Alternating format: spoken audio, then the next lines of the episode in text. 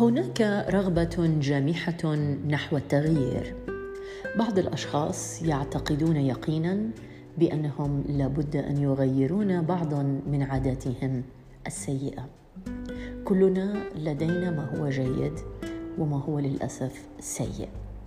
عندما تحاول التغيير اسعى نحو الحصول على حياة أفضل وليس على حياة مثالية.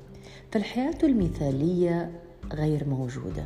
حياة أفضل انفتاح اتجاه نحو السلام إيمان بذاتك البسيطة. قدرتك على أن تقول لا عندما يتوجب عليك أن تقول لا.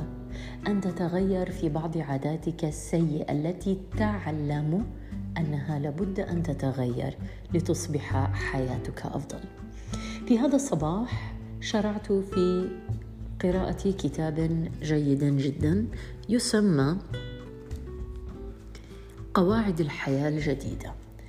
ويقول الكاتب في متن هذا الكتاب الذي يتمحور حول لماذا نريد التغيير وليس كيف ممكن لنا أن نتغير.